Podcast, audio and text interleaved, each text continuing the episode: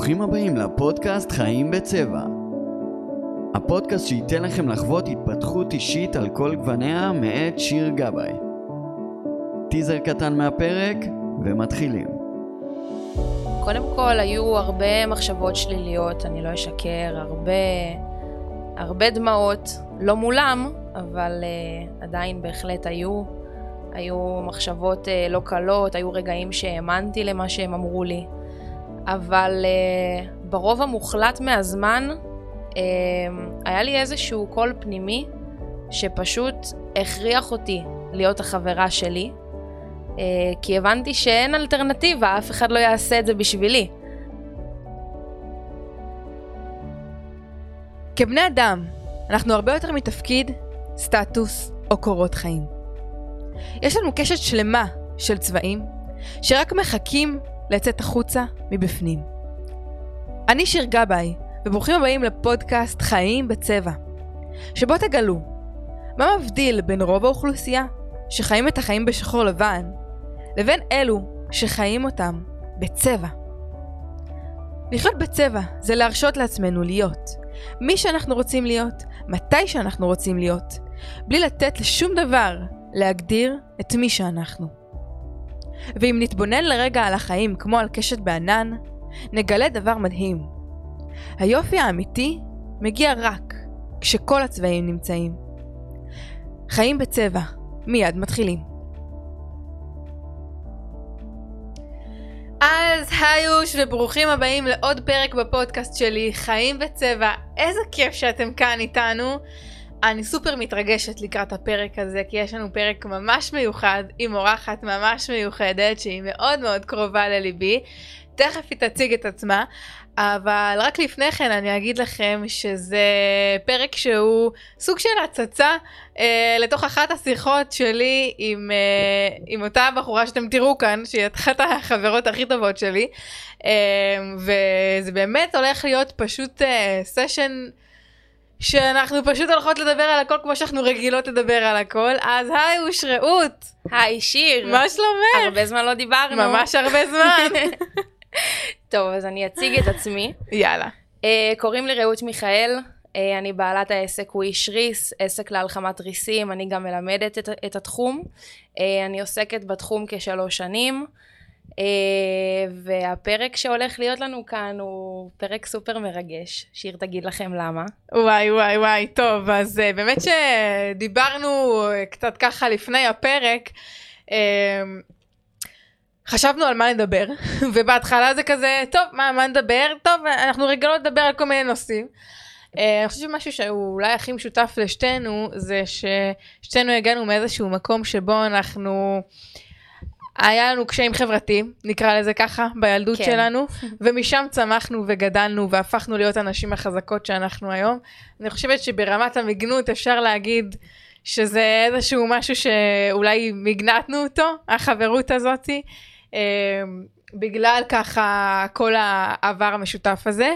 אה, זאת אומרת, משותף ברמה של מה שחווינו.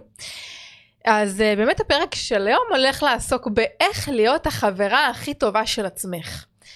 Um, בואי תספרי לי קצת, תספרי למאזינים יותר נכון, מה, מה עברת בילדות שלך שגרם לך להגיע למצב שבו את צריכה להיות החברה הכי טובה של עצמך, כי אין לך uh, מישהי אחרת שהיא תהיה שם עבורך. כן, לא הייתה לי אופציה טובה יותר. לגמרי. uh, אז אני בעצם עברתי חרם. בכיתות ז' וח'. אה, חרם, אני חושבת זו אפילו מילה קצת עדינה למה שהיה שם. אפשר להגיד אה, סוג של דחייה חברתית בתוספת אה, אלימות פיזית, מילולית. היה לא פשוט, האווירה הכללית הייתה של ילדה שהיא דחויה. רגע, כשאת מדברת על חרם, בואי תספרי למאזינים בדיוק מה זה אומר, איך זה נראה, כמה זמן זה אורך. חרם בגדול, בהגדרה, אני חושבת, זה להיות בחברה של אנשים, אגב, זה יכול להיות בכל גיל, בכל מסגרת, זה לא משנה. Mm-hmm. זה לא משהו שקורה רק בבתי ספר. Uh, זה פשוט להיות במסגרת כלשהי ולהרגיש שאת לא רצויה בה, uh, מכל מיני סיבות כאלה ואחרות. לרוב הן לא כל כך הגיוניות. Uh, וזה פשוט משהו שהוא די קולקטיבי, uh, שפשוט פחות או יותר כולם לא רוצים את חברתך, אה, וכולם אה, ככה די אה, מתנכלים לך, או זה לפחות מה שאני ראיתי באותה תקופה כאותה ילדה שהייתי. אה, אז היו שנתיים לא קלות. אה, אני לא אספר עכשיו את כל המקרים וכל המילים, אה, אני חושבת שנתעסק במקרה אחד שהוא ככה מהמם. ההיילייט, כמו שאני קוראת לו. לגמרי. אה, היה ל"ג בעומר, ואני בעצם הגעתי אה, לעיר שבה עשינו את המדורות, והיו שתי מדורות, מדורות של המקובלים, ומדורות של נספחים. הרגילים, כן, כן. ש- של אלה שבטוחים שהשמש לא זרחה להם מה... כן. אה, אז אני הייתי במדורה של הילדים הנחמדים יותר, נקרא לזה ככה. וחברה שאיתה הגעתי מהבית, היא הייתה במדורה של המקובלים. הזמינו אותה. מהמם. אז החלטנו שנגיע, כי אימא שלי הסיעה אותנו, ושם נתפצל למדורות, ובחזור אבא שלה יחזיר אותנו. כל אחת הייתה במדורה שלה, המדורה שלי כמובן נגמרה קודם, כי אנחנו פחות מגניבים, ואז התקשרתי אליה ואמרתי לה, לא אגיד את שמה, אבל אה, היי, מה קורה? סיימנו כאן. שם קוד, תני לה שם קוד. אה, שם קוד יסמין. יאללה. אה, היי יסמין, מתי אנחנו חוזרות הביתה? אני סיימתי כאן. ואז היא אמרה לי שהמדורה שלהם רחוקה מלהסתיים, והיא רוצה להישאר, ולי אין איך לחזור. אחרי כמה דקות היא חוזרת אליי בטלפון ואומרת לי, רעות, דיברתי פה עם כולם, והם ממש ממש רוצים שתגיעי. עכשיו, וואה, אני- טוויסט בעלילה. ממש. אני אמרתי, אולי זה הרגע? אולי זה באמת קורה? סוף סוף רוצים אותי? אה, זה היה החלום שלי, ההיילייט. כן. כן, של הסיפור. כן. ואמרתי לה, את בטוחה? הם באמת אמרו את זה? אני, היה לי קשה להאמין. ואז היא אמרה, כן, כן, הנה, נכון, אתם רוצים שרעות תבוא, נכון? וכולם צעקו, כן, כן, תבואי, תגידי לה שתבוא. ואני כזה, אוקיי, לא מאמינה שזה קורה לי. אני הלכתי לשם כל כך מהר, זה היה על סף הריצה. אה, ואז כשהגעתי, פשוט אה, שני ילדים אה, חיכו לי. החזיקו אותי שאני לא אוכל לברוח. והשלישי הגיע עם בקבוק קולה גדול, חדש. אני שמעתי את הקליקים כשהוא נפתח. ואז הוא פשוט שפך עליי את כל הבקבוק, והשניים האחרים החזיקו אותי כדי שאני לא אזוז עד שהטיפה האחרונה לא יוצאת. אני אוסיף גם שכל התקופה הזאת לא בכיתי, היה לי איזה חוק כזה מול עצמי, שלא משנה מה קורה, את לא בוכה, את לא מראה שזה עובד להם. אין לי מושג למה, אבל זאת הייתה הנחת היסוד. זאת אומרת, כבר מאז הייתה לך איזושהי עוגן פנימית כזאת שהובילה אותך. כן, מדהים. כן. אמ, וואו, איזה מקרה לא נעים בכלל. איך התמודדת באותו רגע? אה, באותו רגע לא בכיתי, לא הייתה לי אפילו הבעת פנים. אה, אני הרגשתי שאני יוצאת מתוך הגוף שלי, ואני רואה את הכל מהצד, כאילו זה לא באמת קורה לי. וואו, מטורף. כן. Um, התיישבתי בצד, ואז הם כנראה ראו שהם לא השיגו את המטרה שלהם, אז הם עברו לפלן בי, שזה לזרוק עליי אבנים. Uh, עד שאחד וואו. מהם פשוט uh, יצא להגנתי, לא כי הוא חבר שלי, הוא היה לגמרי אחד מהם, אבל הוא אמר להם, די, אתם לא חושבים שהגזמתם? גמרתם את הילדה? ואז כששמעתי את המילים שלו, פתאום קלטתי מה קורה לי. כי הרי לא הייתי כביכול בתוך הגוף שלי, אז ניתקתי את הרגש, וכששמעתי אותו צועק בכזאת חמלה, פתאום הבנתי מה עושים לי. מה אני אמורה להרגיש כרגע? בדיוק. ואז התחלתי לבכות, זו הייתה הפעם הראשונה והיחידה אגב, שבכיתי מולם. אמ, זהו, ככה ל"ג בעומר הזה הסתיים לו, זה מקרה ההיילייט של כל השנתיים המקסימות שעברתי. וואו. אמ, מה, כן. מה, מה, מה המחשבות שעוברות לך בראש באותו רגע? למה זה מגיע לי? מה, מה עשיתי רע? במי מהם פגעתי? אה, מה יש ב, באותם ילדים שהם כן מקובלים, שבי אין? למה הם נבחרו ואני לא? אולי זה באיך שאני נראית? אולי זה באיך שאני מתלבשת? אולי הציונים שלי לא מספיק גבוהים, באמת ניסיתי, ניסיתי להבין והייתי לגמרי בחורה אה, ממוצעת ומעלה.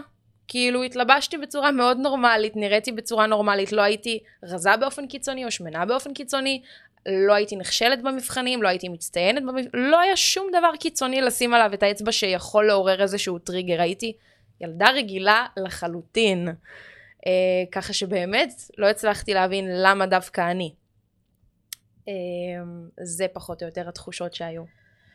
הזוי, וכמה שזה הזוי, לי זה לא נשמע הזוי, כי אני חוויתי משהו מאוד דומה.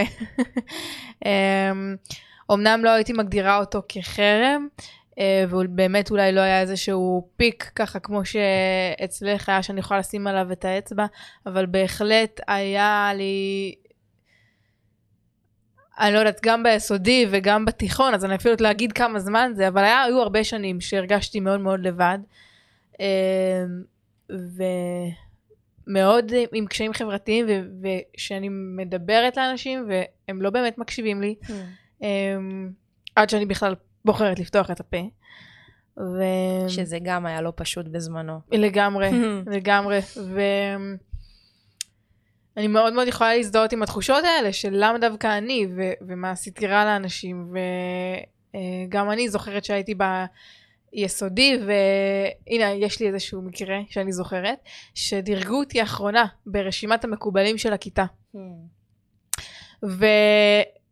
ואיזה קטע, אז תראי איך זה מתחבר לי, גם אצלך, את אומרת שניתקת את הרגש, וכזה הסתכלת על עצמך מבחוץ, אז גם אני עשיתי את הדבר הזה, ואני זוכרת שאפילו אימא שלי באה אליי והיא התעצבנה יותר ממני על המקרה הזה. היא אומרת, מה זה, זה לא הגיוני שמדרגים את הבת שלי האחרונה ברשימת המקובלים והיא כזה אה, עשתה שם איזה בלאגן וצעקה על המורה שהיא לא עושה שום דבר בנושא ואני פשוט כאילו הייתי במין אפתיות כלפי הנושא. יש הרי אה, איזשהו מודל של freeze, fight ו flight. בדיוק. מכירה את זה. לגמרי. אה, אז אני הייתי ב freeze. ו... מוכר לי. לגמרי, וגם את היית ב freeze במקרה שלך, ואני חושבת ש freeze זה ה... רק נסביר רגע למאזינים ככה בקצרה. אה, freeze, fight ו flight זה בעצם שלושה מצבים שאנחנו פועלים בהם כשאנחנו נמצאים במצבי קיצון, אה, כשאנחנו מרגישים שאנחנו מותקפים. אוקיי? freeze זה אומר לקפוא במקום, זה בדרך כלל השלב הראשוני כשאני עובר איזשהו טראומה או משהו שנורא מבהיל אותי. אה, אני קופא במקום ואז אני ב fight, אני נלחם, בין אם זה בדיבור או בין אם זה באופן פיזי. ו flight זה לברוח, פשוט לסגת מהמקום. בין אם זה באמת ליטרלי לסגת ובין אם זה פשוט להתעלם ממה שקורה ולברוח אה, לוואטסאפים, לאינסטגרם. להיות נוכח פיזית, אבל... אבל לא להיות נוכח באמת, ממש ככה. אז כן, אני חושבת שזאת אחת התגובות ש... שמאוד אופייניות, בדיוק במקרים הקיצוניים האלה. ווואו, זה, זה מטורף.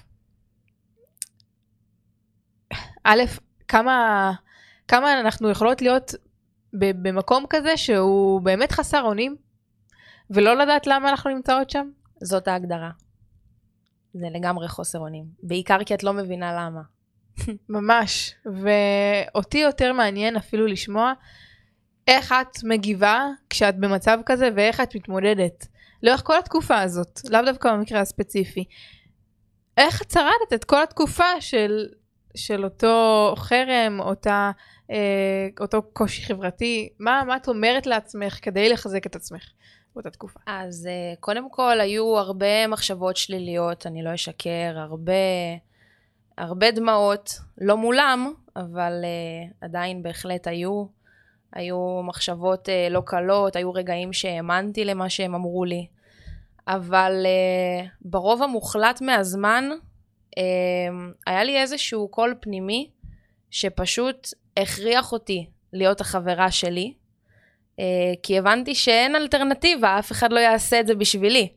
אה, ואם אני אכנע לכל הקולות שאני שומעת בחוץ, אז, אז זה, זאת פשוט תהיה המציאות, אני חייבת איכשהו להתנגד לזה, ואין לי אף אחד שיבוא ויגיד לי, היי, מה שהם אומרים, אז לא. זאת לא האמת. זה לא האמת. אז פשוט הייתי חייבת לעשות את זה בשביל עצמי. אה, וכדי להתנגד לווליום הכל כך חזק שהופעל שם בשנאה הזאת, הייתי חייבת לפתח ווליום משלי שהוא אפילו הרבה יותר גבוה. בין אם זה בהתנתקות שלי, היכולת שלי להתנתק מסיטואציות רגשית, שאגב, עד היום יש לי את היכולת הזאת, אה, בצורה אבסולוטית. אגב, זה לטוב ולרע. לטוב. נכון, אוקיי. לגמרי. לטוב ולרע. יכולת אבסולוטית להתנתק מהסיטואציה באותה, באותה שנייה, אה, וגם היכולת בעצם אה, להרים לעצמי את הביטחון ואת המצב רוח, אה, גם אם זה אומר נגיד לחייך בכוח, אפילו כשלא בא לי, כי אז בעצם אני משקרת למוח שלי שהוא שמח, וכשהוא חושב שהוא שמח, הוא משחרר הורמונים של שמחה. קצת fake it until you make it, או fake it until you become it. בדיוק, fake it until you become it, זה לגמרי אפשר להגיד המוטו שלי. אה, אז זה מה שהייתי עושה. אה, בין היתר הייתי גם שמה כל מיני שירים מעצימים כאלה, כל אחד ומה שמעצים אותו, כן? במקרה שלי זאת הייתה ביונסה. ברור. אמרתי לך, תאומת נפש, לא סתם. אצלי זאת ביונסה. כן, אז פשוט הייתי שומעת אותה ועפה על עצמי, מרגישה שאני קצת היא בהופעה. אה, פשוט פיתחתי ווליום מאוד מאוד חזק שהתנגד לווליום הגבוה שלהם. פיתחת ווליום כל כך חזק שהתנגד לווליום שהוא של כמה אנשים זה? כמה עשרות? בין 100 ל-200. מטורף. ופיתחת ווליום שהוא- שהוא יהיה מעל ווליום של 200 איש. כן. פסיכי. כשאת אומרת את זה ככה. כן, זה לגמרי מה שזה. לגמרי. אני יכולה אבל להגיד שלאורך השנים זה שירת אותי ועזר לי ושמר עליי. ויחד עם זאת, זה גם קצת קלקל לי. כי רגע, את מקדימה את המאוחר. אה, אוקיי, סליחה, סליחה. בואי, אנחנו, אנחנו נגיע לשם, אנחנו נגיע לשם, אבל בא לי שעוד טיפה נתעכב על uh, מה הם הדברים שאת אומרת לעצמך בעודך נמצאת במצב הזה, כדי לחזק את עצמך, כדי להיות החברה הכי טובה של עצמך. זאת אומרת, מה זה בפועל על להגביר את הווליום של הטוב? איך עושים את זה באמת? אז התחלת להגיד, לעשות לעצמי שירים של אה, ביונסה ולרקוד במראה, כל אחד מה שעושה לו טוב, כן. מדהים. לחייך בכוח. לחייך אה, בכוח. חשוב בין דקה לשתי דקות, לא לשנייה וחצי, כי אז זה לא עובד. אה, מניסיון. אמ, אם זה בכוח לחשוב על מה כן עובד לי בחיים. אם זה המבחן שהוצאתי בו אה, 98, ואם זה החברה היחידה הבודדה שכן אוהבת אותי ואני אותה. אמ, מה עוד? החוג ריקוד שהייתי בו בזמנו, והייתי... אין, אין, לא סתם אנחנו מדברות. כן, גם בזה. גם זה אותו דבר, גם אני ברחתי לריקוד, וואו. למי שלא מכיר. אה, לכו לשמוע איזה פרק זה היה, שהקלטתי את הסיפור שלי, אני חושבת פרק 7. לכו לשם, תשמעו ואז שיהיה לכם רפרנס לפרק הזה, תבינו למה כן, אנחנו כל כך תעצרו, דומות. תלכו לשבע ותחזרו. לגמרי. אוקיי, אז אה, אז התחלת להגיד שהריקוד. כן, הוא בעצם אה, עזר לי לבטא את עצמי. היו שיעורים אה, שהכוריאוגרפיות היו יותר אה, מרגשות, אז אפילו הייתי בוכה והייתי ממש יכולה להתחבר למה, למה שהשיר מספר. וזה גם עזר לי לעוף על עצמי, וכשקיבלתי בהתחלה פתאום שורה שנייה, ואז שורה ראשונה באמצע, יואו. ואז פתאום סולו. את יודעת שאני אף פעם לא קיבלתי שורה שנייה וראשונה? תמיד התעצבנתי על זה. אה, זה מאוד מתסכל כשזה לא כן. קורה, הייתי גם שם. Hmm. כן, מאוד מתסכל. אה, אז באמת ניסיתי בכוח, מה שנקרא, להיאחז בניצחונות שכן היו לי באותה תקופה, וממש הכרחתי את עצמי להתאהב במה שאני רואה במראה. הכי קל, במבט ראשון, לראות פגמים. לא רק בעצמנו, בכל אחד. וואו, לגמרי. מבט ראשון את עוברת מול הראי, הכי קל לראות שהגבה שלך לא מסודרת כרגע, והחולצה שלך טיפה הסתובבה, ורואים את השקיות בעיניים כי לא ישן טוב, אה, אין לזה סוף. אה, מה שיותר קשה ויותר מומלץ, זה לעמוד ליותר משנייה אחת, וגם לראות מה כן עובד לך שם, מה את כן משימת אוהבת. חיים, משימת חיים. ואז גיליתי שאני מאוד אוהבת את השיער שלי, ומאוד אוהבת את השפתיים שלי, ומאוד אוהבת את העובדה שאין לי פצעי בגרות כמו לרוב הילדים שהיו לי בשכבה. זה לגמרי משהו שאת צריכה להודות עליו, למה לי היה, וכפרה זה קשה. אני יודעת, בגלל זה הפסקתי מריסים. נכון. אה, למי שככה שיכירו, אני הייתי, איך אני ורעות הכרנו? אני הייתי לקוחה שלה בהלחמת ריסים. וויש ריסית. וויש ריסית. אה, לעסק שלה קוראים וויש ריס. אה, אז הייתי מאוד מאוד, טוב, אנחנו גם נגיע לשם, הייתי מאוד מוגזמת גם בפיצונים וגם בבגדים. כששיר הגיע אליי בפעם הראשונה, אני חייבת לספר.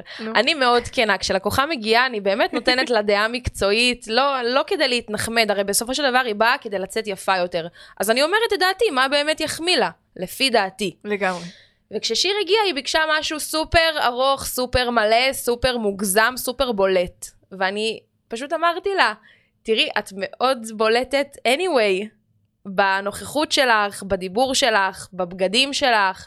בואי, בשיער הצבעוני בס... שהיה נכון, לי. נכון, איך שכחתי את השיער, היא הגיעה עם שיער סגול ואז הוא הפך לאדום. לאדום.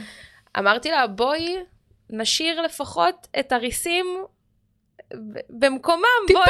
טיפה יותר עדינות ממה ש... כן. תקשיבי, רציתי ללכת על הריסים הכי מוגזמות שיש לה שם. באמת, כמו מטאטא, ככה. כן, ושיר כמובן כמו שיר, כשהיא רוצה משהו, גם לטוב וגם לרע, היא לא הקשיבה לי, ועשינו את מה שהיא רצתה, אה, שזה ריסים סופר מוגזמים. אה, וזהו, וככה בעצם הכרנו. היינו כל טיפול שומעות פודקאסטים ביחד ומדברות. ותראו איך, איזה סגירת מעגל שעכשיו אנחנו מקליטות פודקאסט ביחד. נכון. הכרנו מפודקאסט והגענו לפודקאסט, כן, לגמרי. אדיר, אדיר, אדיר. טוב, אז uh, זלגנו לנתיב אחר בשיחה. כן. אבל איפה היינו? אמ, כן, בכל הדברים שבעצם עשיתי כדי להרגיש טוב יותר, אז אני חושבת שאפשר ככה לסכם את זה ב... לחייך גם כשלא רוצים, בין, בין דקה לשתיים. לשים מוזיקה שמניעה אתכם למוטיבציה, לא משנה אם זה ביונסה, אמינם או אה, מונוליק, זה לגמרי לא משנה, כל אחד ומה שמניע אותו. אה, זה להסתכל על הניצחונות, זאת אומרת על החצי כוס המלאה, על מה שכן עובד בחיים שלכם. אה, ולמצוא את האנשים, גם אם זה רק בן אדם אחד, כמו שלי הייתה באותה תקופה, אה, אגב, קראו לה רין, אה, hmm. זה משהו שאני לא אשכח לה, אז תאחזו באמת באנשים שכן שם, שכן אוהבים אתכם. וזה ככה מה שעזר לי לעבור את אותה תקופה בשלום, עד כמה שאפשר. וואו, מדהים, מדהים, מדהים מה שאת אומרת. אמ, אני חושבת שמעבר לכל מה שציינת פה כרגע, אני פשוט מנסה גם לחשוב עליי מה עזר לי באותה תקופה שאני חוויתי את מה שחוויתי, את הריחוק החברתי הזה נקרא לזה ככה, אמ, זה איזשהו תקווה, עוגן פנימי של תקווה, שזה, שהדברים יכולים להיראות אחרת בעתיד. ושהם הולכים להיראות אחרת בעתיד. מין להחזיק באיזשהו גביע של אמונה ידיעה כזאת. ידיעה פנימית. ידיעה פנימית חזקה. לגמרי. שיגיע היום הזה, שאני אוכיח לעצמי ולכולם כמה שאני ראויה וכמה שאני טובה, ושיהיו לי את כל החברים שאני רוצה בעולם, וחברים אמיתיים, כאלה שאני אוכל לספר להם בדיוק מה עובר עליי, ושאני אצליח בגדול, ושאני אעשה דברים גדולים, וש... את יודעת, שאני אקבל הוקרה והערכה, קודם כל מעצמי ואז מהעולם. וזה פשוט להמשיך ולהחזיק באמונה הזאת. לגמרי. אמונה עיוורת, שלא תלויה בדבר, ו- ולעיתים, ורוב הזמן לא יהיה לכם, או לא היה לי, בכל אופן, היגיון באותה תקופה, להחזיק באמונה הזאת, כי שום דבר ברמה החיצונית בחיים שלי לא הראה לי שיש לי סיבה, אבל עדיין המשכתי להחזיק באמונה הזאת. אני לגמרי אז... מסכימה עם זה. אני יכולה גם להוסיף שככל שהחיצוני שלי, העולם החיצוני, mm-hmm. היה נראה יותר רע, המוטיבציה הפנימית שלי יותר גדלה. אמנם זו הייתה מוטיבציה שלילית, אה, אבל זה בעצם אה, מה שהניע אותי. באמת, היה לי כמו איזוש, איזושהי מנטרה. דינמיט. כן, איזושהי מנטרה בראש של הם עוד יהיו גאים להגיד שהם למדו עם רעות מיכאל באותה שכבה. הם הצטערו שהם לא היו חברים שלי. וואו, מטורף. Um, אוקיי, ובואי נדבר באמת על המוטיבציה השלילית הזאת. מה, מה היא גרמה לך לטוב ולרע. מה, מה, איך היא עזרה לך? אה, בואי נתחיל מהטוב. קודם כל, חשוב לציין שמוטיבציה שלילית היא בעצם מה שמניע אנשים בצורה הכי חזקה ומהירה בוא- ויעילה. בואי באמת רגע שנייה נסביר באמת למאזינים כן. מה זה אומר בכלל מוטיבציה שלילית חיובית, יש כאלה שלא מכירים. אה, אז ככה בחצי משפט. מוטיבציה שלילית זאת בעצם המוטיבציה שגורמת לנו לפעול בצורה הכי אה, חזקה, עם מניעה לפעולה בצורה מאוד מאוד גבוהה, וכמו איזה דינמיט. אה, כזה שבועט טיל בטוסיק שלך. טיל בטוסיק, שבועט אותך לעוף קדימה. למה? כי מה יש שם במוטיבציה השלילית? איזשהו כאב מאוד מאוד מאוד גדול, שממנו אני מנסה להימנע. וכשאני חוויתי כאב מאוד גדול, אה, נגעתי באיזה תנור חם, קיבלתי קביעה, בום, אני טס ישר מה, מהתנור, כן? אה, אישה שהשמינה ועכשיו אומרים לה אה, שאם היא לא מרזה אז משהו עלול, רע עלול לקרות לה ברמה הבריאותית, אז בום, היא מתעוררת על החיים שלה ומתחילה לעוף על עצמה, וכולי וכולי. זאת אומרת, איזושהי כאפה מצלצלת מהיקום, שבמקום הזה אנחנו באים ואומרים, די, חלאס, סטופ, אה, אני חייב לעשות שינוי, כי אם זה לא עכשיו, אז אני אגיע למקום מאוד גרוע. זה המוטיבציה השלילית. היא נקראת שלילית כי, אה, אנחנו נדבר על זה, אבל ה- היא, היא, היא אומנם מאוד מניעה לפעולה, אבל היא שלילית לאורך זמן. היא גורמת לנו לפעול בצורה שהיא, אמ, איך אני אגיד את זה? לא בדיוק אימפולסיבית. מאוד אימפולסיבית, מאוד אמ, עובדת קשה, מאוד לא נחה לרגע, מאוד אה, רצון להוכיח, רצון להוכיח, כאילו זה בא ממקור שלילי. תלות בתוצאות. תלות בתוצאות לגמרי, כל המקום הזה. לעומת זאת, מוטיבציה חיובית היא המוטיבציה היותר בריאה שאנחנו רוצים לפעול ממנה לאורך זמן. ומה הקטע שלה? אה, זאת מוטיבציה שהיא שואפת להגיע לעונג במקום להימנע לכאב. זאת אומרת, מה יקרה בטווח הארוך של החיים שלי, בחזון הגדול, לאן אני יכולה להגיע, כמה עונג זה יכול לתת לי לעולם, כמה אנשים יתרמו מהדבר הזה שאני הולך לעשות כאן. אה, אם זה לעשות הרבה כסף ולהשפיע על הרבה אנשים ולעשות הרבה טוב בעולם ולגרום לאנשים טוב, איזושהי מוטיבציה שהיא חיובית, שהיא נעה ממקום אמיתי, פנימי, שלם כזה, שהוא גורם לך לפעול בצורה בריאה. לגמרי. חשוב גם לציין שהמוטיבציה החיובית היא מוטיבציה יותר רכה. היא פחות כמו טיל, אלא יותר כמו זיקוק. יחד עם זאת, חשוב להדגיש לגמרי. שהיא הרבה יותר אפקטיבית לטווח הרחוק. היא בדיוק. פחות תעייף אותנו. בדיוק. מוטיבציה שלילית היא מוטיבציה מאוד יעילה. זאת אומרת, היא תגרום לך אה, לפתור את הבעיה שלך מאוד מהר, מאוד כאן ועכשיו, נקודתית. נקודתית, אבל... לפגוע בדברים אחרים. בדיוק, אבל לא לאורך זמן. לאורך זמן, המוטיבציה החיובית היא יותר אפקטיבית. Uh, זאת אומרת, היא יותר תניע אותך לפעולה בטווח הרחוק בצורה בריאה, תשמור לך על הנפש שלך, תוך כדי שאת במסע המטורף הזה להישגים ולתוצאות. לגמרי. ואת לא תאבדי את עצמך ואת עצמנו בדרך, שזה הדבר הכי חשוב, כי בשביל מה בכלל הישגים ותוצאות, אם אנחנו Hmm. מאבדים את הנפש בדרך.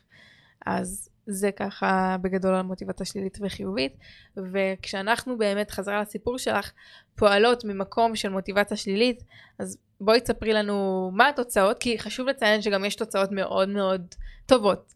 אה, כשפועלים מוטיבציה שלילית, אבל יש גם תוצאות פחות טובות. לגמרי. אה, אז אצלי המוטיבציה השלילית הייתה מאוד חזקה, כפי שאפשר להבין מהסיפור. אה, האמת שהיא גם החזיקה די הרבה זמן. אני חושבת אה, משהו כמו כמעט עשור. מטורף. כן. אה, וזה בעצם אה, פגש אותי בכל, אה, בכל סיטואציה שעמדתי בה. בין אם זה שהייתי שנייה לפני הבגרות בספורט ושנאתי לרוץ. פשוט אני לא אהבתי. היום אני כבר כן אוהבת, אז לא אהבתי. אני גם מבינה שזה לא שלא אהבתי את הריצה עצמה, לא אהבתי את העניין התחרותי, שזה עשה לי דפיקות לב וכולם עמדו בשורה ואז הזניקו אותנו. אז הייתי נמנעת מלרוץ בשיעורי ספורט. ואז הבגרות בספורט הייתה על ריצה.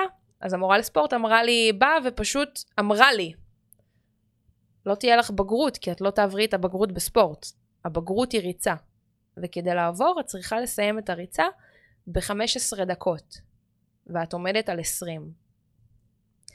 והבגרות הייתה אה, בעוד חודש מהרגע שהיא אמרה לי את זה. ו... בום, כאפה, כאפה מעוררת לשינוי. בי נכנסה מוטיבציה, לא בשביל שתהיה לי בגרות, ממש לא, רק כדי להוכיח למורה הזאת, לא רק שאני עוברת את הבגרות, שאני גם מסיימת במקום הראשון. אמנם במקום הראשון לא סיימתי, אחרי הכל היה לי רק חודש, אבל uh, סיימתי במקום השלישי מבין כל השכבה.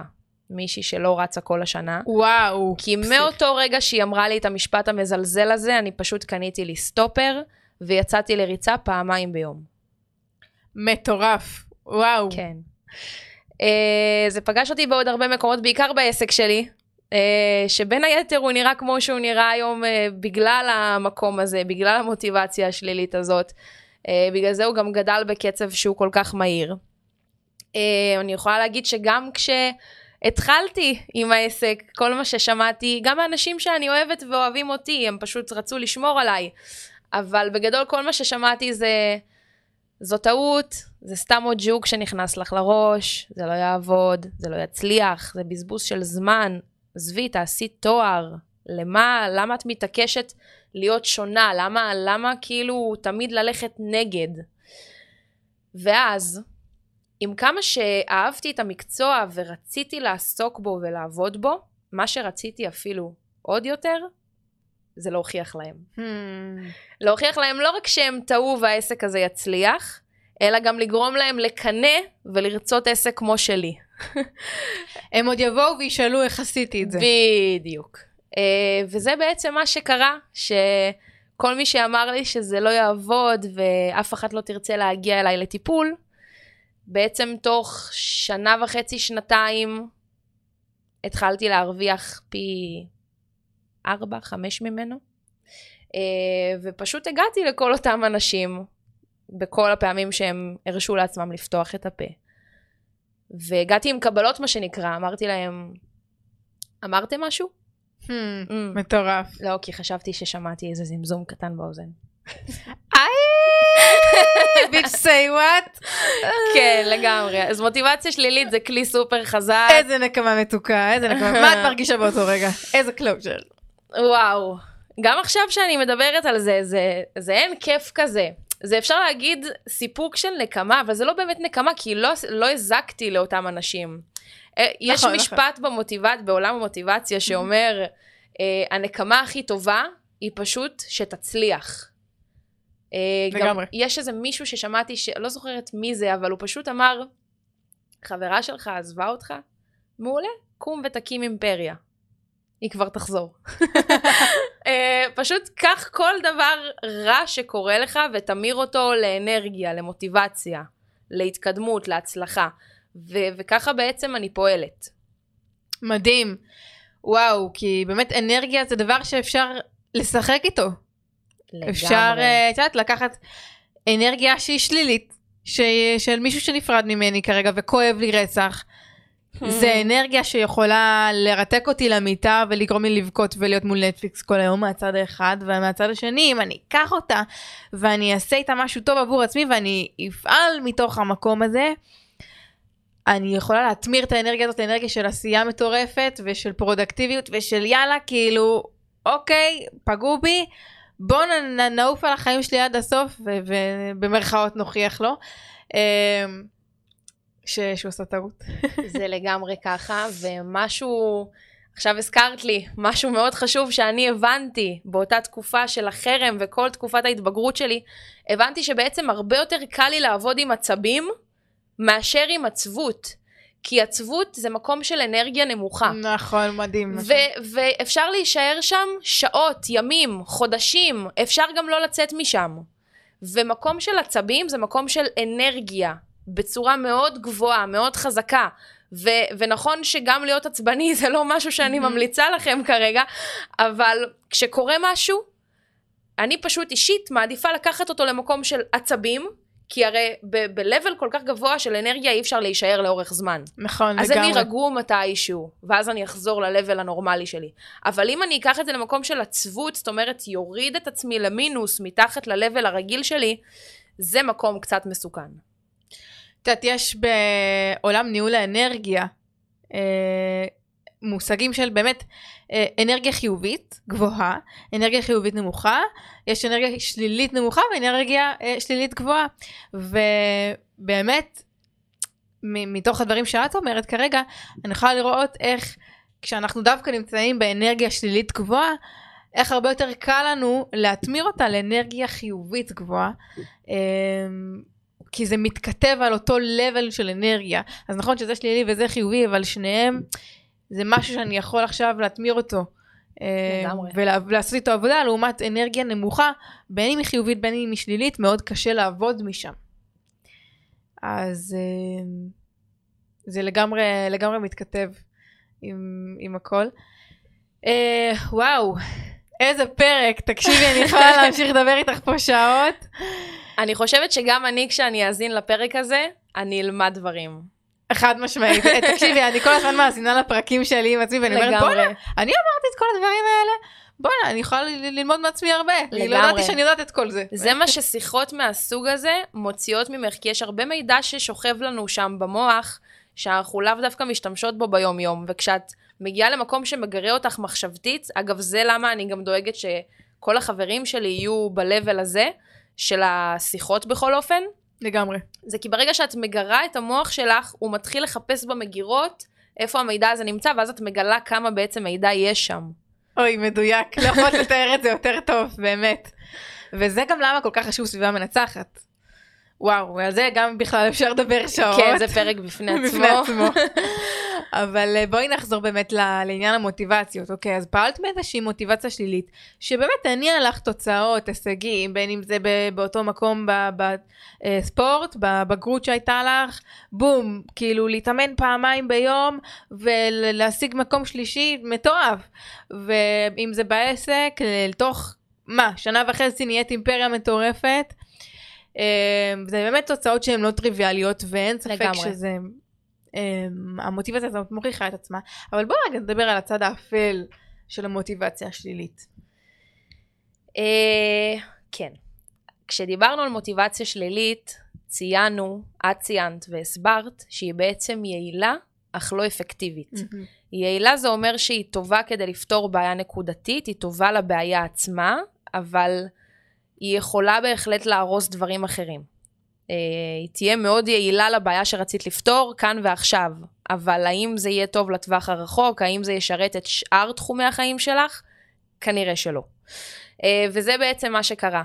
אה, הייתי קמה כל יום בחמש בבוקר, מתחילה לקבל לקוחות בשש בבוקר, עד שמונה בערב, רצוף, בלי הפסקות. בתקופות של עומסים וחגים הייתי יכולה גם לסיים בעשר בלילה כדי להשחיל עוד לקוחה. אה, ככה בלוז הצפוף שהיה לי. מטורף, אני זוכרת שכשרק התחלתי להיות לקוחה אצלך אז uh, ככה היית עובדת. כן. ואני זוכרת שגם בגלל זה באותה תקופה לא היינו חברות כל כך. נכון. התחברנו רק אחרי זה, שגם על זה היה לנו לדבר. חיבור מחשבתי, אינטלקטואלי, מאוד הבנו אחת את השנייה ומה שהיא אומרת, אבל לא היינו על אותו תדר. בול. אמ, אגב, זה, זה לא רק את, אני לא הייתי בתדר אה, חברותי כל כך. אז זאת אומרת, הייתי תמיד מאוד נעימה ו- ו- וחברותית לסובבים, אבל לא הייתי בתדר חברתי ברמה של לפתח חברויות. אה, הייתי אה, במוד של מלחמה. אני קמתי כל בוקר כדי לנצח, כדי להביס, כדי... לא רוצה להשתמש במילים, אבל כמו שאומרים בסלנג, באתי לרצוח. תיארת את זה מאוד מדויק. זה, זה התדר שהורגש, כאילו, לגמרי. כן, אל תבזבזי לי את הזמן. כאילו, אם זה לא נותן לי כסף, נותן לי התקדמות, נותן לי הגשמה, זה לא בלוז. אה, שאגב, אני חייבת לציין שאני גם לא מצטערת על התקופה הזאת. ברור. היא היא הביאה אותי- לך המון היא תוצאות. בדיוק, היא הביאה אותי לאן שאני היום. הצד הפחות נחמד שלה, זה שאין לך זמן כל כך לחיים אישיים. Um, את אוכלת ארוחה אחת ביום, אם בכלל, וגם אם כן זה שבע דקות ובדרך כלל בעמידה. Um, אין לך זמן לחברויות, לשבת להירגע, לראות שקיעה בחוף, ליהנות, לנסוע לחופשות, אמ, אה, לצאת למסיבות. אה, לצאת לדייטים ו- ולחזור ב-11-12 הביתה. את לא יכולה, את מתעוררת ב-5 בבוקר, את ב-10 צריכה להיות במיטה, והיום שלך מסתיים בין 8 ל-10, ככה או ככה. היו לי לילות שהייתי מסיימת את היום שלי, ופשוט הייתי יושבת על המיטה ובוכה. כי, כי אני קולטת שהשעה עשר וחצי בלילה, ו, ואני יודעת שמחר אני קמה בחמש לעוד יום פסיכי, ונשאר לי לאכול ולהתקלח, ואני אשכרה מוצאת את עצמי מתלבטת מה יותר חשוב לי, ללכת לישון שבעה או להתקלח לפני השינה. ו- ופשוט בכיתי, כי זה, זה מצב, הייתי פשוט בטירונות. אני חושבת שאפילו בטירונות התנאים היו יותר טובים. Uh, זאת אומרת. ניטרלתי את עצמי מכל הנאה אפשרית. Um, וזה דבר שמצד אחד נותן לך uh, ערך עצמי וסיפוק. זהו, אני חייבת רגע לעצור ולהגיד שאולי יכול להיות פה שהרבה אנשים מאזינים דווקא יגידו, כל וואו, הכבוד, איזה כן." חיה, חיית עבודה, מה, מה רע בזה? אני רוצה להיות גם כזה. זה מה שכולם גם אמרו לי, וואו, תקשיבי, את לא נורמלית. וואו, תשמעי, כל הכבוד לך. איך את עושה את זה? וזה באמת נתן לי עוד מוטיבציה. אה, אבל מה שהם לא ראו בסוף, זה שאת בסטרס אינסופי. היו פעמים שהיום היה נגמר והייתי נכנסת להתקלח, ומצאתי את עצמי מסתבנת, מהר, מהר, ממש, עם המים והכל, ואני... רגע, אבל סיימתי. למה? ש- שנייה. אין לי עוד לקוחה, היא- כאילו, רגע, סיימתי את היום, למה אני לא יכולה ליהנות מהמקלחת? את כאילו, את אשכרה מרגישה אשמה לקחת לעצמך רגע של שקט. את הופכת להיות מכונה. את עושה הכל וואו. מהר ואפקטיבי. זה, זה, זה פשוט ככה. אמ, ומה שהם לא רואים זה את הצד הזה של הסטרס והדמעות, ואת זה שבסוף את ישנה לבד. ואולי יש מישהי שהיא מרוויחה קצת פחות ממך, אבל יש מי שמחבק אותה בלילה. אמ, אז אה, זה מצד אחד נתן לי תחושת מסוגלות, וזה שהתגברתי על כל הפיתויים, זה, זה מאוד מחזק את הערך העצמי, ומראה לי שאני מסוגלת, ואם אני רוצה משהו אז הוא קורה. ומנגד, זה גם מאוד אה, מרוקן נפשית ומעייף. אה, ואחרי התקופה הזאת ש... יש לציין, הייתה בין שנה לשנתיים. של- מטורף. איך החזקת ככה שנה, שנתיים? פסיכי. כן. אז אחר כך בעצם הגיע שלב של uh, עייפות. של, uh, איך אומרים, יש נקודת החלאס, כן, וואו, לגמרי. אז גם, ל, גם לאובר מוטיבציה יש נקודת חלאס. והגעתי למצב שדי, מגיע לי ליהנות, בא לי לצאת, בא לי לא לחשוב על מחר, בא לי שלא יהיה לי לוז, בא לי שיהיה לי משעמם, בא לי לשבת בים ולראות שקיעה, בא לי לשכב במיטה ולבהות בקיר כאילו אין לי מה לעשות בחיים. פתאום התגעגעתי לדברים הכל כך רגילים האלה, הדברים הפשוטים של החיים שנותנים לנו אשכרה להיות בני אדם, בני אנוש. לגמרי. ולא מכונות עבודה, הרי בשביל מה אנחנו עושים כסף אם לא בשביל ליהנות ממנו? אם את מוצאת את עצמך כל היום עובדת ועובדת ועובדת ועובדת, והנה אני רואה את העיניים שלך נוצצות חיים שלי בלב. אני חייבת להודות גם שהנקודת חלאס והעייפות זה משהו ש... שקרה לא מזמן, שהוא עדיין Mm. קורה, זה, זה תהליך ש... שחי בי עכשיו. אני הייתי ערה אליו. כן. אני- אני בעודי כרגע מדברות ערה אליו. לגמרי. וואו, זה באמת מרגש, זה באמת מרגש, כי זה דברים שבאמת קרו בלייב בשנה האחרונה, שמונה חודשים אחרונים כזה. בין, בין חצי שנה לשנה, כן. אה, זה הביא אותי גם לסוג של פריקת עול, של אוקיי, עבדת ועבדת ועבדת ועבדת, וגם לא היה לך על מה להוציא את הכסף, כי לא נהנית משום דבר, ולא יצאת לבלות, ולא טסת לחופשות.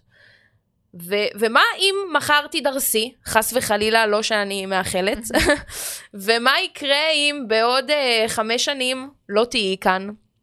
כאילו, ההבנה הזאת של מצד אחד, אוקיי, אני לא צריכה לחיות כאילו אין מחר, ויש לי מטרות והישגים שאני רוצה להגיע אליהם, ואני לא אחיה מהיד לפה ולא אחשוב על, ה- על המחר.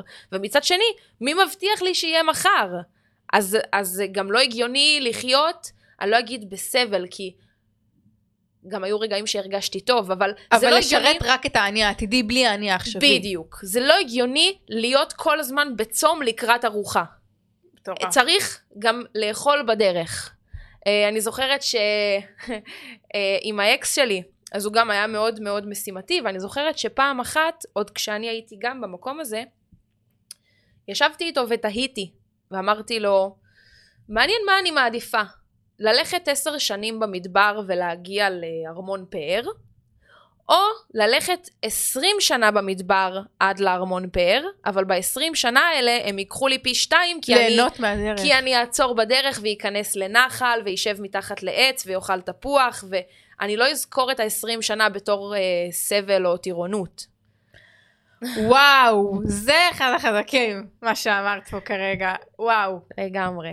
מדהים. אז הייתה לי גם תקופה של פריקת עול. עד לא מזמן, אני חושבת שאני אני כאילו כרגע מנסה להיגמל מהפריקת עול, כי אחרי הבצורת שהייתה, הגיע מצב כזה של די, מגיע לי, עבדתי קשה בשביל זה, בוא נבזבז, בוא נוציא, בוא נהנה, בוא נלך, בוא נחזור. זאת אומרת, הקיצון השני. כן, כן. פתאום uh, להתעורר לחיים, לגלות עולם, מסיבות, כאילו אני זוכרת שסגרתי לעצמאות, אה, סולומון, וידיד שלי צחק עליי, הוא אמר לי, מה יש לך? אם לפני חצי שנה הייתי שואל אותך אם את באה לסולומון, היית שואלת אותי מה זה מסעדה? זה דג?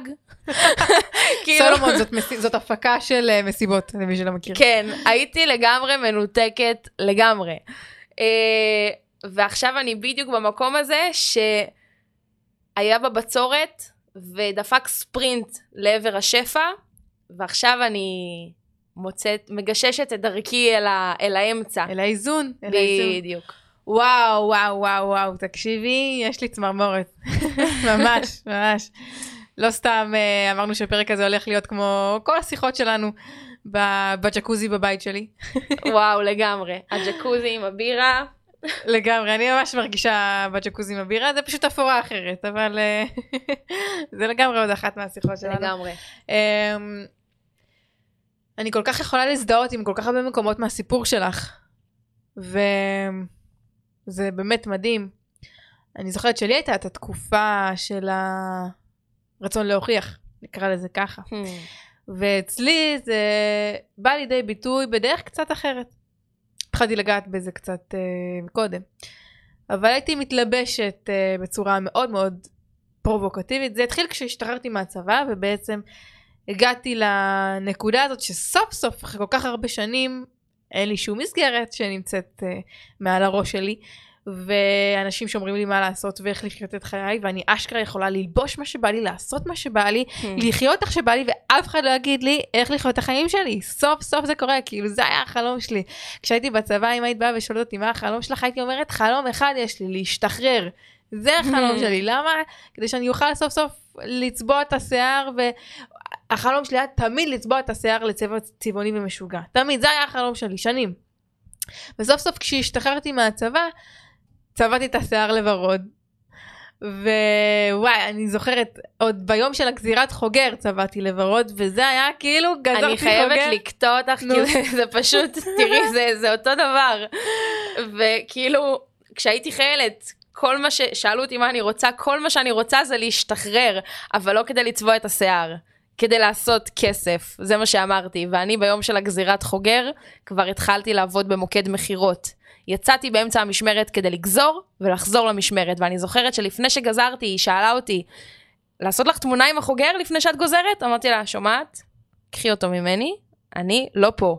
אני ממהרת למשמרת לעשות כסף, לא. לבזבז לי את הזמן. וואו, תקשיבי, זה הזוי, אימא'לה, כן. באמת, איך כל אחת לקחה את זה לכיוון שלה בקיצוניות מהשנייה שהשתחררה לגמרי, מהצבא, כאילו. וצבעתי את השיער לוורוד ו- ועשיתי ציפורניים משוגעות שכל הצבא, את יודעת, אסור לעשות צבעים בציפורניים והתלבשתי נורא נורא צבעוני ופרובוקטיבי ועם עקבים של 15 סנטימטר. אמת. מאפשרת לי, ראתה את העקבים. ראיתי את הזוועות. איזה מוגזם, באמת כאילו על חמת ריסים ואיפור מאוד מאוד מוגזם. על באמת. חמת ריסים יכולה להיות עדינה, אני מבקשת. נכון, נכון, נכון.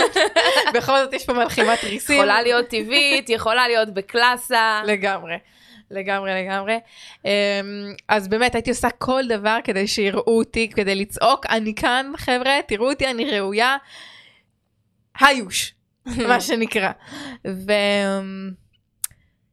זו הייתה תקופה שגם הייתי יוצאת המ- המון למסיבות, ובאמת, כאילו, כי במסיבות אני יכולה להתלבש בצורה הזאת וזה לא ייראה מוזר, אלא זה ייראה סבבה, כאילו עדיין ייראה קצת מוזר, קצת בולט, אבל לפחות אף אחד לא יגיד לי משהו, כאילו את במועדון.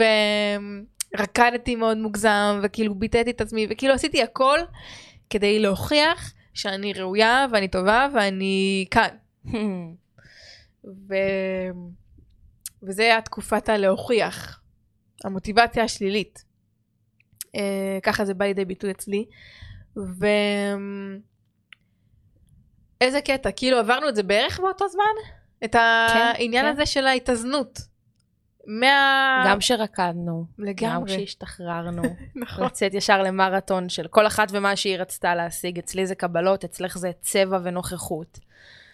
לגמרי. והאיזון שהנה דופק לנו בדלת. ממש דופק לנו בדלת. ולפני כמה זמן צבעתי את השיער חזרה מאדום לצבע הטבעי שלי? אה, לפני בערך אה, חצי שנה. נכון, משהו, חצי שנה, משהו כזה, אשכרה, ואת גם לפני חצי שנה גם עשית שינוי שלך, ותראי מה זה, זה בדיוק השלב שנהיינו חברות טובות. וואו, לגמרי. לא שם- במקרה כנראה. שם קרה המפץ הגדול. זה- זה היה פתאום, מלכתחילה הייתה שפה משותפת וחיבור, אבל שם זה באמת היה כמו כפפה לכאפה, איך שאני ממש- אומרת. וואי, מדויק, מדויק ממש. כאילו התדרים שלנו ממש הסתנכרנו האחד בשני, אחת בשנייה. וזה גם היה אותו קטע שאני אמרתי לעצמי, אולי ברמה כן מודעת, לא מודעת. שחלאס. שאוקיי, הבינו שאני צבעונית ושיש לי נוכחות שהיא שונה מאחרים, וגם היו המון אנשים שבאותה תקופה אמרו לי, היי, זאת עם השיער האדום. זאת עם השיער כן, האדום, היה לי מיתוג כן. כזה של זאת עם השיער האדום, ואני זוכרת שממש התייעצתי עד איתך. היום יש לזה שאריות, אגב. נכון, אשכרה עד היום. יש אנשים שזוכרים אותי עם השיער האדום, ועוד רוצים שאני אחזור לזה. אה, אבל אה, פחות, יש, אה, יש שיר חדשה שכבר לא צריכה את השיער האדום בשביל לחיות את הצבע שלה. גדול. ולא צריכה להתלבש מוגזם ולהתאפר מוגזם, ועם כל התוספות, בכל הצורות. לא אה, צריכה לצעוק כדי שידעו שהגעת. לגמרי. אני פשוט כאן. אנשים יודעים שאני כאן. וזה איזושהי תובנה פנימית, אני חושבת שקרתה אצל שתינו באותו זמן, שלחיות את הצבע שלך זה לא לצעוק את הצבע שלך, זה פשוט להיות. לגמרי. זה פשוט לתת לדבר הזה להיות כל כך uh, חזק וגדול ובטוח בפנים, שאין צורך לבטא אותו בחוץ. בין אם זה בלבוש, בין אם זה במילים, בין אם זה בקבלות, כל אחת בדרכה שלה. Uh, זה פשוט לדעת שאת יכולה לשבת שם, לשתוק, האנרגיה תעשה את שלה. פיריד. זה פשוט קטע, אני צריכה למסגר את הקטע הזה ללא. יודעת לאיפה, תקשיבי לי, טוב. מדהים, מדהים. אז, אז איך זה בא לידי, לידי ביטוי אצלך, ההתאזנות הזאת? אה, קודם כל, אני הרבה יותר מחוברת לצד הרגשי, נשי, אימהי. הנקבי. כן. זאתי שנותנת לדברים להגיע אליה, ולא האנרגיה הזכרית שרודפת כל היום. לגמרי. לגמרי. אני הרבה יותר אה, מכילה, מבינה אנשים. אם פעם לקוחה הייתה מספרת לי על איזה גבר ש... שהיא לא סגורה על מה קורה איתו, והיא אומרת לי, אני לא יודעת, הוא כן רוצה והוא לא רוצה, והוא... אז פעם הייתי אומרת לה, תעיפי אותו, תזרקי אותו, זה בזבוז של זמן, תסתכלי, את שווה הרבה יותר, וכאילו, יש בזה גם משהו נכון, כן? זו מהמם, גישה ברור. מאוד אה, אפקטיבית ומקדמת. אבל היום אני לא אגיב ככה. היום אני יותר אשאל שאלות, אני יותר או, מדהים. יבין אולי מה היא מרגישה, ושנורא פשוט לבוא ולהגיד תעיפי ותזרקי אותו, אבל אולי הלב שלה לא שם. וואו, אני מדהים. פתאום מייחסת חשיבות לרגש לא פחות מלתוצאות. תוצאות. כן. אוי, מושלם, תקשיבי, זה כאילו, רגע, לעצור את הסימן הקריאה ולשים סימן שאלה, לגמרי. ולהסתכל על התמונה הגדולה, ולבדוק איך אני מרגישה עם כל הדבר הזה שאני חווה עכשיו. שזה אגב, לא קל, הרבה יותר פשוט היה לי להישאר עם הסימני קריאה, חייבת להגיד. ברור. זה לא קל להיות פתאום בעמדה של אני לא יודעת, כי אז יש כל כך הרבה אופציות, הכל נשאר פתוח. אי ודאות. אי ודאות זה אחד הדברים שהכי מפחידים בני אדם. נכון, ויש כל כך הרבה אופציות ודעות וזוויות לתמונה אחת, שאת הרבה פעמים גם לא יודעת איזה זווית לקחת, את יכולה להסכים עם כמה בו זמנית, ואז את בעצם אומרת, מה, אז אין לי אג'נדה? וואו, וואו, תקשיב, זה מטורף. אבל מי אמר שצריכה להיות לך? את יכולה פשוט להבין את כל הצדדים. זה, זה יכול להיות אפילו לא רק קלף טוב, זה יכול להיות אס. אוי, מושלם. מתוך האמונה הזאת שבאמת אין אמת אחת, אין נכון ולא נכון. לגמרי. יש את האופציה הזאת, ויש את האופציה הזאת, ויש עוד אופציה, ויש עוד אפשרות. והן כולן טובות בדרכן שלהן כל אחד ומה שעובד לו. לגמרי, זה הכל שאלה של מה עובד לי באותו רגע. איך שתמיד היית אומרת לי, כל פעם שהייתי מתייעצת עם שיר על משהו, לא משנה, עסקי, רגשי, חברי, והייתי מתייעצת איתה, והיא הייתה נותנת לי עצה כי הייתי מבקשת, ואז הייתי אומרת לה, רגע, לא, אבל אז יהיה ככה, טוב, אז אל תעשי את זה. לא, אבל אם אני לא אעשה את זה, אז יהיה ככה, אז תעשי את זה. לא, אבל אז יהיה ככה, אז אל תעשי את זה. ואז היא פשוט הייתה שואלת אותי שאלה אחת, עובד לך? אם הייתי עונה לה כן, אז תמשיכי. מאוד פשוט.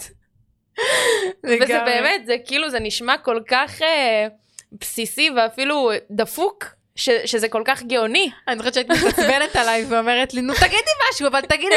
אני מאוד מאוד נמנעתי מלהגיד לרעות דעה. בכלל, לכל אדם ואני מאוד איתי. אהבתי דעות בתור בחורה משימתית ומטרתית.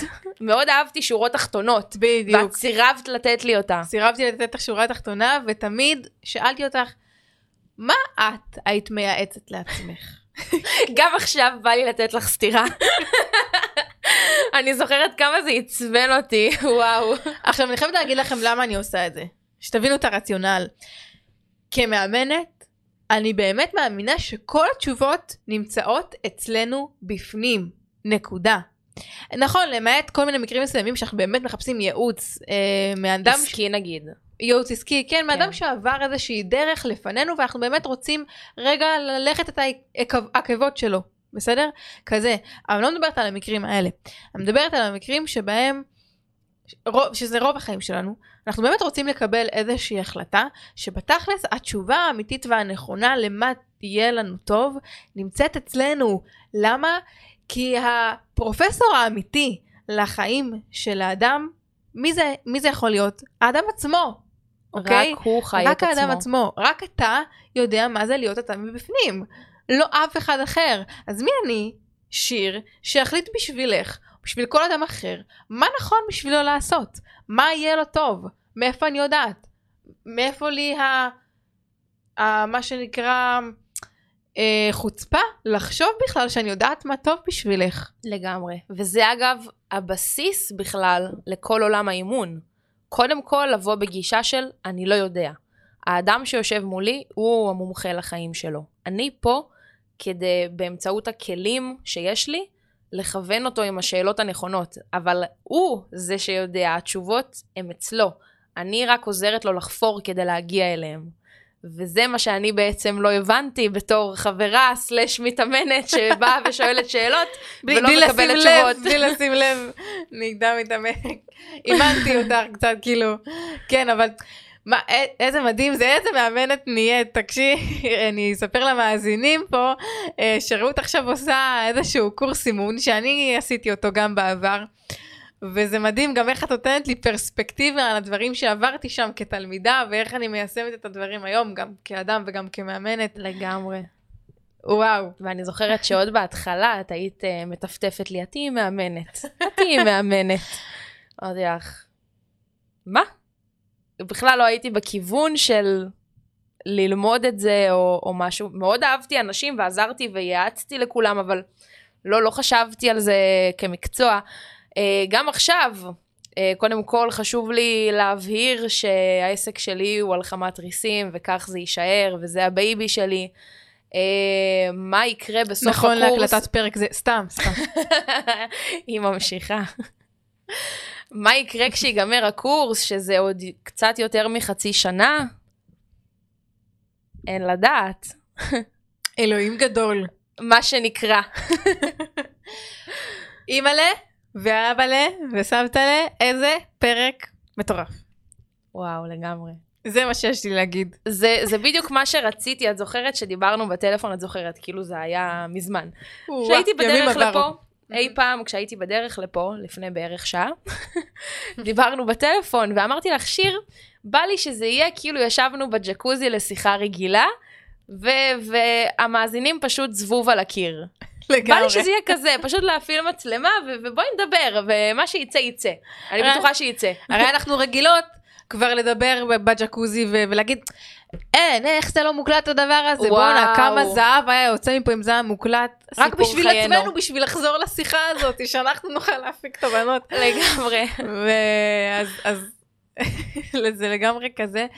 ואיזה כיף, איזה כיף לי שאת בחיים שלי, באמת. אני, באמת, בלי קשר לתוצאות שיש לך בחיים היום, אני חייבת להגיד לך שכאדם את פשוט באמת אור, אור גדול בחיים שלי, וזה יוצא קצת קיצ'י, אבל לא אכפת לי.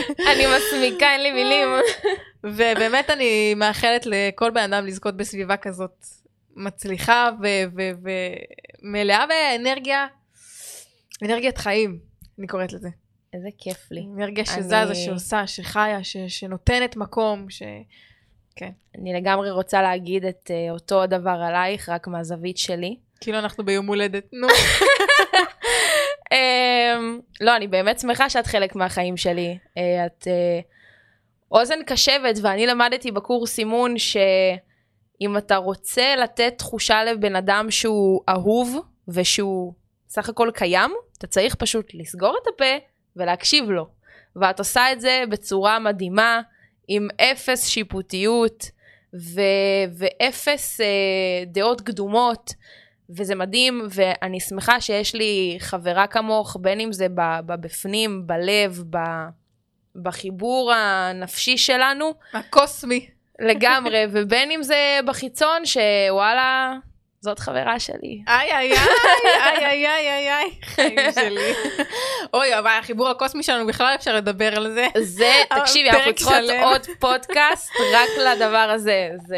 בוא נגיד להם במשפט. רוצה להגיד? אני, אני לא יודעת איך לתאר את זה. אני ורעות, יש לנו קטעים, המון פעמים שאנחנו נפגשות, שדווקא כשאנחנו נפגשות, באורח. פלא, במקרה, קורים כל מיני צירופי מקרים, שהם כמובן אין דבר כזה צירופי מקרים. בדיוק, מאוד מקרים, שבדיוק כשנפגשנו, אז מישהו שנגיד לא דיברנו איתו שנים, שרעות נגיד לא דיברה איתו שנים, פתאום, פתאום, פתאום עלה בשיחה, עלה ואז בשיחה. הוא שולח הודעה. עכשיו לא רק שהוא פתאום שולח הודעה, שנייה לפני זה, את אומרת לי, שיר, מה הסיכויים? פתאום הוא שולח לי הודעה. עכשיו, כפרה, היא לא דיברה איתו כאילו שנה, שתבינו, כאילו זה ברמת הסיכויים שעכשיו אה, לא יודעת מה יקרה. שינחת פה שביבי יצטרף לשולחן ויגיד, עליי הצ'ייסר. כזה. ואז זה קורה, כאילו. וזה קרה לא פעם, ולא פעמיים. ולא שלושה. לא. זה קרה המון. וואי, צריך לחקור את זה, איך זה קורה לנו? צריך לחקור את זה. אין, אני אומרת לך, זה משהו מגנות של רוח. של עזבי, משהו- בואי נדבר על זה שפעם אחת בשנת צהריים, אגב, כן, היום יוצא לי פה ושם לעשות שנות צהריים. וואי וואי, מי חלם על זה לפני שנה, אני שנתיים? מתביישת להגיד את זה בקול, אסור שידעו את זה עליי. מותר, מה זאת אומרת? בשביל מה אנחנו חיים, יאללה. אז פעם אחת בשנץ אני חלמתי ששיר בוכה. יואו. וכשהתעוררתי מהשנץ אמרתי, טוב, החלום הרגיש אמיתי, בואו נרים שיחה, נראה מה קורה עם הילדה. ואז אה, היא מרימה את הטלפון. עכשיו, ומה- בשיא הצחוק, כאילו, היא... היא אמרה, בוא נרים לטלפון, כאילו, בוא, סתם. בוא נראה, יאללה, החלום כאילו... אז לא, מה, מה זה הזכיר לי אותה? זה לא שלא דיברנו שנים, אבל הזכיר לי אותה באותו רגע, ואמרתי, אולי באמת יש פה איזה משהו, בוא נרים צלצול.